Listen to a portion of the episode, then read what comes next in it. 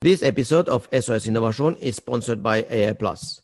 AI Plus is a new international conference with focus on the topic Applied Artificial Intelligence. Hi, mitt navn er Salvador Baye. Jeg er daglig leder i Intellis, rådgivning innen innovasjon og teknologiledelse. Jeg er også rådgiver for Smart Innovation Norway. Velkommen til en eh, spesialepisode av SOS Innovasjon, Norges podkast for innovatører og av innovatører.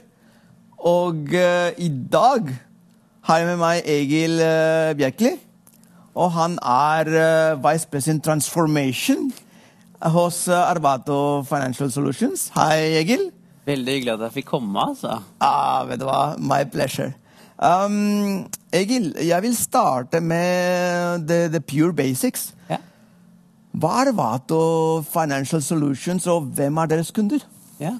Du, Arvato Financial Solutions det er jo en del av et multimilliardkonsern som heter Bertelsmann. Ah, det er, lille selskapet Bertelsmann som driver Ja. med bøker og ja, ja. eh, bare 130 000 ansatte, 17 Ja. milliarder euro i omsetning, så det, er ganske stort. da. Eh, det er riktig, de driver med bøker også. ja. De startet der, i hvert fall. Ja, ja helt korrekt. Eh, det er på mange måter Tysklands svar på Skipstedt, om du vil. da. Men eh, som en av de store divisjonene innom Bertelsmann er Arvate Financial Solutions. Eh, og, og dette selskapet finner du i 13 land og omsetter for rundt 700 millioner euro i året. Eh, det vi driver med her, det handler veldig mye om finansielle tjenester, finansielle produkter. da. Og det som er veldig gøy, åpenbart eh, for meg òg, er jo at vi har et veldig strong presence i Norden. Og i Norden så, så fokuserer vi veldig mye på finansielle tjenester og produkter langs den såkalte order to cash-verdikjeden.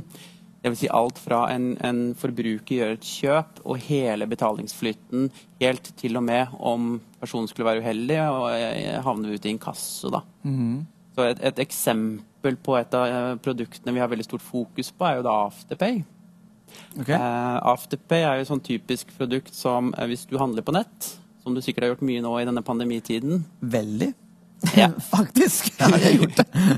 Veldig mange har gjort det, det ser vi også fra, Ja. fra transaksjonene våre. Men der, eh, der er det jo sånn at du velger alle de varene du vil ha, setter det ut i handlekurven din, og så går du til den såkalte checkouten, altså der hvor du velger å betale. Ja, vanlig. Ja, og da har du flere betalingsalternativ normalt sett. Eh, hvis vi er en del av denne webshoppen, så vil du få opp Afterpay. Det betyr at du kan velge å få kjøpt varene, få dem tilsendt hjem og betale etterpå. Altså på kreditt, helt enkelt. Okay. Og det har jo en veldig stor benefit i den forstand at da kan du få varene hjem, returnere det du ikke vil ha, som er veldig vanlig handlingsmønster på nett i f.eks. Klær. klær. Yes. Ja, ikke sant. Og, og, og dermed så legger du bare ut for det du faktisk kjøper. da. Du vet, du kjøper en kul genser, og så så den ikke så kul ut når du tok den på deg, og så vil du returnere den. Så slipper du å gjøre dette utleggene. Ja, det, det, er, det er morsomt, fordi ehm, jeg kjøpte for ikke så lenge ja, I pandemitiden så kjøpte jeg en svær klokke til eh, veggen. Ja. Um, og det fikk uh, helt klart uh, Facebook med seg. Så nå blir jeg bombardert overalt.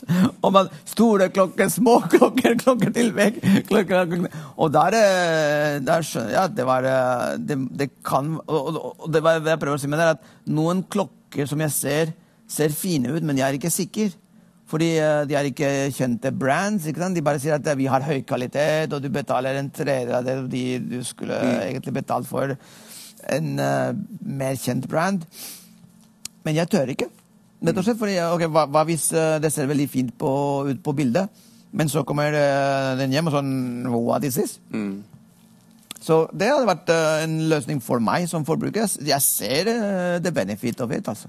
Definitivt. Det er noe med den tryggheten med å ikke betale for noe før du får lov til å holde og se på produktet i seg selv. Eh, og den trusten du har til webshoppen, hvis det er en liten webshop du finner osv. Ja, det kan jo også vi bidra med eh, å, å skape den trusten eh, i den relasjonen.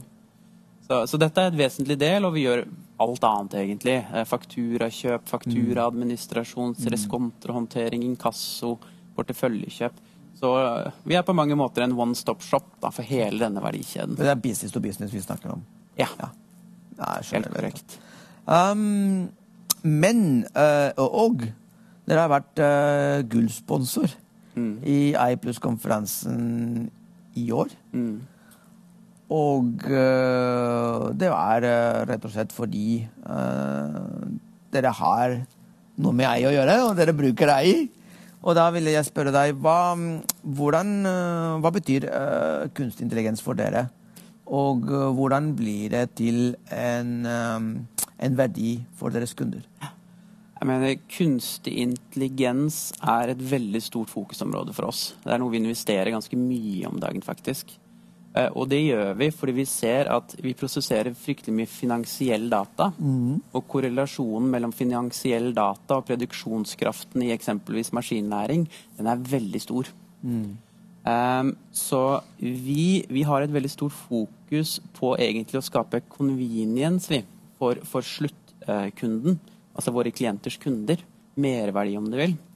Og inn i dette segmentet her kan AI spille en fantastisk rolle. Hvis, hvis vi tar noen veldig sånn enkle eksempler, da. Uh, la oss starte med, en- med en mailbot. Mailbot er jo noe som alle har hørt om, sikkert.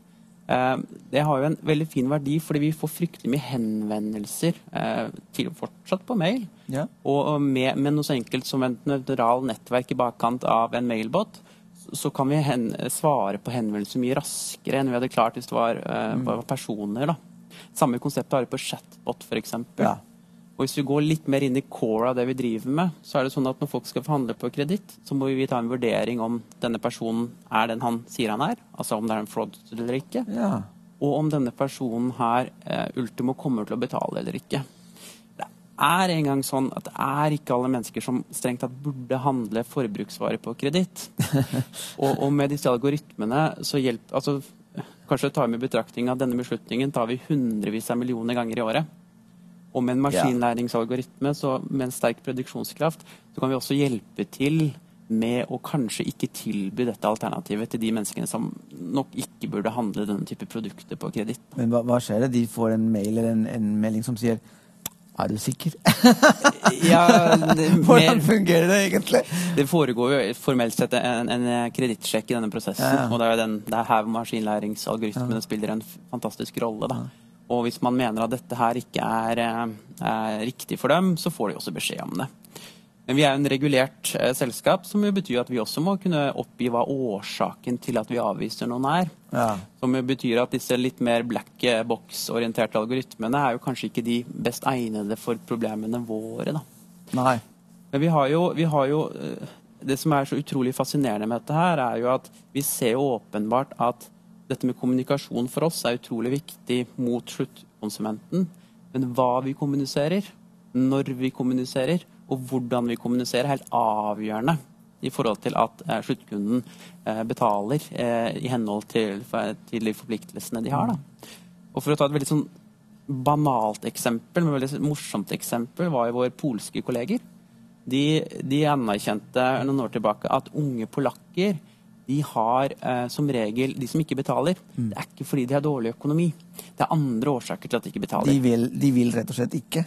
Nei, mer at de kanskje ikke er så strukturerte, ja. fokuserte på regningene sine. Så de lar regningene bare stå på, på kjøleskapet? Eksempelvis. Og, og det som Dette her det er helt Det er kulturelle greier, da. Ja, eh, det er det. Og, Eller alle er, er, har småbarn, alle sammen. Og de glemmer Akkurat som det skjedde da jeg hadde småbarn. Altså. og, og det de da gjorde, var noe så enkelt som at de sendte en tekstmelding rett før forfall Ja. eh, med et lite spill, en liten link. Klikket på linken, spilte dette lille spillet, og så klarte du det, for det var ikke så vanskelig. Ja. Og så fikk du en beskjed 'gratulerer', og så minner vi deg på at eh, fakturaen din forfaller om to dager. Eh, ha en fin dag. Det ble en signifikant Gamification på betaling. ja. basic som det får blitt. Ja. Men du så at uh, antallet unge polakker som uh, betalte i tide, økte dramatisk. Hvis du, hvis du nå da tenker på at vi skal være sentrert rundt personer Ja. De skal ikke være tall i en tabell hos oss. Nei, nei. Vi må jo da tilpasse oss hva som passer deg. Om du vil ha informasjon på mail, om du vil ha det via sosiale medier. Alle disse tingene her, og skreddersy det mer til deg som person, hjelper oss i å treffe deg. Og, og, det, det er nettopp det AI ser eh, har en fantastisk mulighetsrom for oss. Da. Så har du jo det faktum, hvis vi trekker oss inn i inkassoområdet, eh, at det er kanskje ikke så ålreit for alle å ringe til et inkassobyrå og be om en betalingsutsettelse eller betalingsplan. Det kan føles litt ubehagelig å ta den samtalen. Da kan du jo opp, gi den muligheten eh, via en portal, via en app.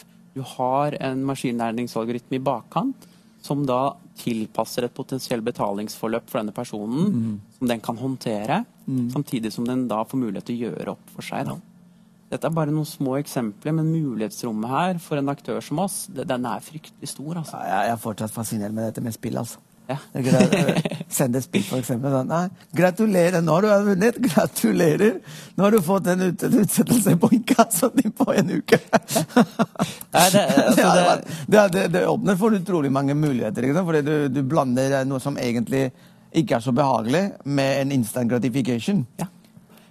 Og det er litt Hvem var genius som kom på det? Det er helt uh, Det handler om- handler om å forstå konsumenten Ja. Hvis du tar en for hard approach eh, mot konsumenten, Ja. så kan du bryte relasjonen mellom konsumenten og, og, og klienten. Og du må forstå hvem du skal ha en soft approach mot, hvem du Mm. må kanskje ha en litt tydeligere approach mot. da.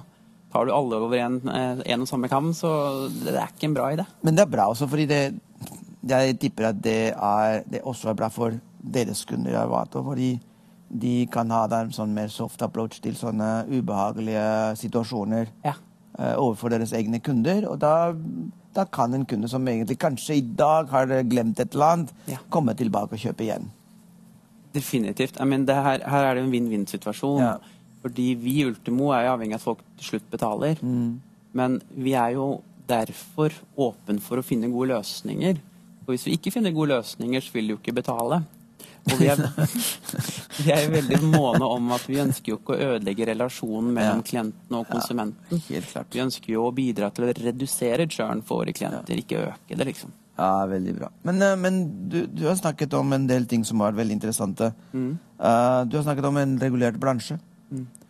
Og så og så ser jeg at det skjer der altså, Det er utrolig mye som skjer der. Um, er det alle så flinke som dere, eller hva, hva, hvordan, hvordan ser du er det, er det bransjen flink til å ta i bruk eh, AI? Hvordan, hvordan har AI kunstig intelligens påvirket bransjen deres? Eh, Ja, altså Det som er så fascinerende for bransjen vår med AI, er jo at hele mulighetsrommet endrer seg. Hva vi gjør, hvordan vi gjør det, hvordan vi tar beslutninger. Det det har kommet på mange måter en ny dimensjon til dette. Og jeg ser åpenbart på konkurrentene våre at de investerer også tungt i dette her. Alle forstår jo hvilken vei dette her er på vei til å gå. Hvis du tar dette convenience-aspektet som vi snakker om, som er så viktig for sluttkunden vår, eh, knytter det opp mot interne prosessoptimalisering. Vi ønsker å drifte effektivt, vi også. Og det faktum at vi tar så utrolig mange eh, vesentlige beslutninger, ofte binære, altså ja-nei-beslutninger, som har store økonomiske konsekvenser i kjerneaktivitetene våre, så forstår vi jo at det å velge rett, det å jobbe smart, det er eh, vesentlig. Så var vi inne på det her litt tidligere at Ja. denne type data den har en veldig bra prediksjonskraft Ja. med maskinlæring. Ja. Så har du da en teknologi da, som eh, kan ta beslutninger raskere og bedre enn mennesker. Mm. Så for meg er det helt åpenbart at det er ikke spørsmål om når Det er ikke spørsmål om, det er spørsmål når dette her å ikke være på den reisen, mm. når det begynner å straffe seg. Når det begynner å straffe seg. Så det er Nå, nå skal du henge deg til bandwagon, Hva heter det på, på engelsk? Bandwagon. Ja. For, å, for å i det hele tatt uh, holde, altså, være med videre. Eksakt. Det er ingen, jeg tror det er ingen aktører som foreløpig har liksom knekt den ultimate koden. Man har algoritmer ute i produksjon, og man er på gang, veldig mange. Men, men med tiden her nå, så tror jeg du vil se dette her vokse sånn så utrolig i denne bransjen. Men det betyr også at uh, det er uh det er, Vi kommer til å, kanskje kommer vi til å se en konsentrasjon i deres bransje, akkurat som det har vært i andre bransjer. De som har uh, vært flinke du, begynner, du behøver ikke være stor, men de som har vært eh, flinke til å forstå utviklingen i, i digitalisering og Ja. eh, innovasjon, AI, de kommer til å klare seg bra. De store har selvfølgelig en fordel, mm. fordi de har flere ressurser. Og så kommer mange til å dø. Så det er, eh, det er eh, det er economies of scale. Og det, det, det, det bør i hvert fall over, overføres også til oss forbrukere på en måte. Ja, jeg, jeg tror det er spot on. Ja, altså. Fordi jeg, jeg, tror den fremtidige forretningsmodellen innen bransjen vår den kan ikke være fee-based. Altså at du, du straffer forbruker for ikke å gjøre det de skal. Den må være value creation-based. Mm. Det vil si at du, du, gir dem en mulighet som du så priser. Mm. Hvis du ser nå på f.eks. den nye inkassoloven som kom i Norge, så har jo inntektskilden til inkassoselskapet blitt dramatisk redusert. Ja, og det ble, det ble regulatorisk bestemt. Ja. Altså det, ble, det kom sånn Det kommer, bam, ferdig. Ja. Og det er jo også med på å tvinge fram digitalisering, tvinge fram innovasjon i en bransje som, som tidligere har kunnet operere med litt større marginer. Ja. Nå, nå vil ikke det fungere. Så jeg tror store aktører som klarer å omstille seg, og også de små som starter opp med dette som liksom kjerne av, av virksomheten sin, det er de fremtidige aktørene. Jeg tror de fremtidige aktørene er mer teknologiselskaper enn de er Ja. tradisjonelle finansselskaper. Og internasjonale også, vil jeg tro. Ja. Det, det hjelper. Nei, nei, jeg, altså, men det, det, er som, det er som advarsel for alle som tror at de kan være små, ikke bry seg om teknologi og, for, og, og, og bli bare i Norge. Ja. Not going to happen. Nei, det, det, det er mye mer krevende. Ja. Um, det er dette her med economy of scale igjen. Altså. Ja. Eh, selvfølgelig det norske markedet er jo, skiller seg fra det amerikanske og det tyske osv. Ja. Ja, ja. Men uh, stør- size matters i denne bransjen. Så det, hvis du er stor, Ja. ikke få siderumpa, klarer å omstille deg, Ja. er litt agil i approachen din, så har du et veldig godt utgangspunkt. Nei, kjempebra. Du, en, øh, jeg øh, Jeg kjenner dere litt fra før. Og så har jeg hørt om The Ar- Arvato Way. Eh, jeg er også interessert i Særlig i det siste. Jeg er litt mer interessert i hva som er en kultur i et selskap. Og hvordan kultur påvirker uh, um, videreutvikling og teknologi, uh, adopsjon, innovasjon. Um, kan du definere for, uh, for meg hva The Arvato Way er for noe? The Arvato Way Altså vi For å ta et veldig konkret aspekt som er veldig vesentlig for oss, er at vi skal være åpne. Vi skal dele den dataen vi har med klientene våre. Vi gjør ikke det bare fordi vi ønsker å være transparente, som jo åpenbart i seg selv er positivt. Men ettersom vi er denne one stop shop, så prosesserer vi så utrolig mye betalingsdata på vegne av våre klienter, f.eks. Og den innsikten vi kan trekke ut av det, den ønsker vi å dele tilbake til klientene våre. Så vi blir en strategisk partner. Sånn at de kan bruke dette inn i sine forretningsutviklingsprosesser. Da. Så når vi har det som på mange måter er en Altså, Dere er en av de få aktørene som Unnskyld at jeg avbryter, for dette er veldig interessant. Uh, jeg tenker på prinsippene rundt in open innovation. Altså, dere, dere samler inn data, men dere sier ikke som 90% av alle jeg kjenner. Som sier 'disse er våre data', og det er data som er de er gullet, og, eller er årlige nå. De dataene er til bare for oss. Og hvis du vil ha våre data, nei, du får ikke tak i dem, eller du må gjøre det, det og det og det. ikke sant? Nei, dere, dere har en approach for å si nei, vet du hva, disse dataene, vær så god. Uh, vi, vi har eh, godt nytte av det, men kanskje dere òg.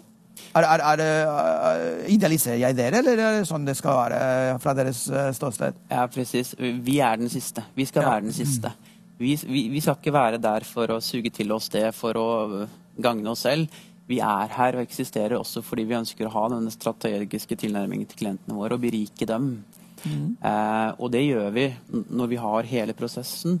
Så har vi muligheten til å utnytte den posisjonen vi har. Det er ikke så mange aktører som er hele, hele verdikjeden. Og det gjør vi også gjennom å være åpen og dele den innsikten vi tilegner oss som en del av dette her. da. Så er det åpenbart sånn at eh, vi må jo også være veldig forsiktige. Det er noe som heter GDPR og sånne type ting her, som vi tar eh, veldig seriøst. Men innsikten, lærdommen, Ja. Den, den, den er verdt utrolig mye for, for bedrifter, og, og den ønsker vi å bringe tilbake til dem. Har det vært øh, Det har sikkert vært krevende. Men øh, føler dere at dere, dere har knekket på en måte koden rundt data, AI, innsikt og GDPR? Nei, Nei. den har vi ikke knekt. Vi er på vei. Ja. Um, jeg tror egentlig ingen har knekt den ordentlig ennå. Nei, Men ikke vi- få meg til å snakke om sånn før.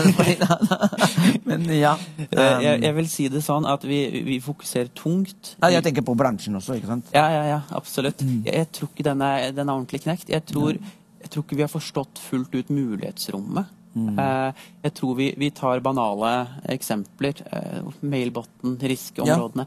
Disse tingene som, som er veldig konkrete. Men mulighetsrommet er så mye større enn det. Ja. Jeg tror på mange måter bedrifter som oss vil på mange måter i fremtiden ha revenue streams based on the data på mange måter. Mm. Det er Dataen i seg selv vil generere mer inntekter, mer verdi. Og få den, den, den modellen til å flyte, forutsatt at du får inn tilstrekkelig transaksjonsvolum, der, ligger, der ligger fremtiden for de aller fleste selskaper i denne bransjen. Ja. ja jeg syns at eh, egentlig at uh, dette med data er en, et av de områdene der open innovation egentlig gir my veldig mye mening. Uh, og det mener jeg. Jeg har mine egne ja, ambivalente tanker rundt open innovation, faktisk. Um, jeg kjøper ikke alt i den teorien. Men akkurat når det kommer til eh, data, så syns jeg det er en, en gode som som eh, teorien egentlig fungerer veldig bra sammen med. Det så- liker jeg. Det er så fascinerende. Eh, I en tradisjonell approach så forteller du hva problemet er, og hypotesen, og vel ganske sånn konkret hvordan du skal gå frem for å løse det. Hvis du har tilgang på nok data, så, så blir mindsetet skal bli litt annerledes. Du skal tenke Du skal ikke ha noen fortelle deg hva du skal gjøre. Du skal la dataen fortelle deg hva som gir mening. Ganske interessant. Det, det merker jeg også er et mind, mindshift som, som må til for, for å nå. Da. Det er nå engang sånn at hvis, hvis ulike data features har en viss produksjonskraft Ja. Du vet jo ikke på forhånd hva det skal være. Nei, har det er mange, GDPR har et problem. yes, du har masse spennende teorier på dette her, men vi vet ikke. Men la oss nå teste det. La oss gjøre det. Veien videre for uh, Arvato, da. Uh, du har, tror jeg, jeg I min intuisjon så tror jeg at de har begynt å snakke om det allerede. Men, men uh, hva er veien videre for Arvato? Vi snakker om en, en, en Arvato Financial Services, del, et, et stort selskap en, som er en del av et gigantisk multinasjonalt selskap. Um, det betyr, det, har, det innebærer mange muligheter, men det betyr også at du, man opererer i mer rigide rammer enn eh, neobanks og, og fintech-selskaper kanskje eh, velger å bevege seg i.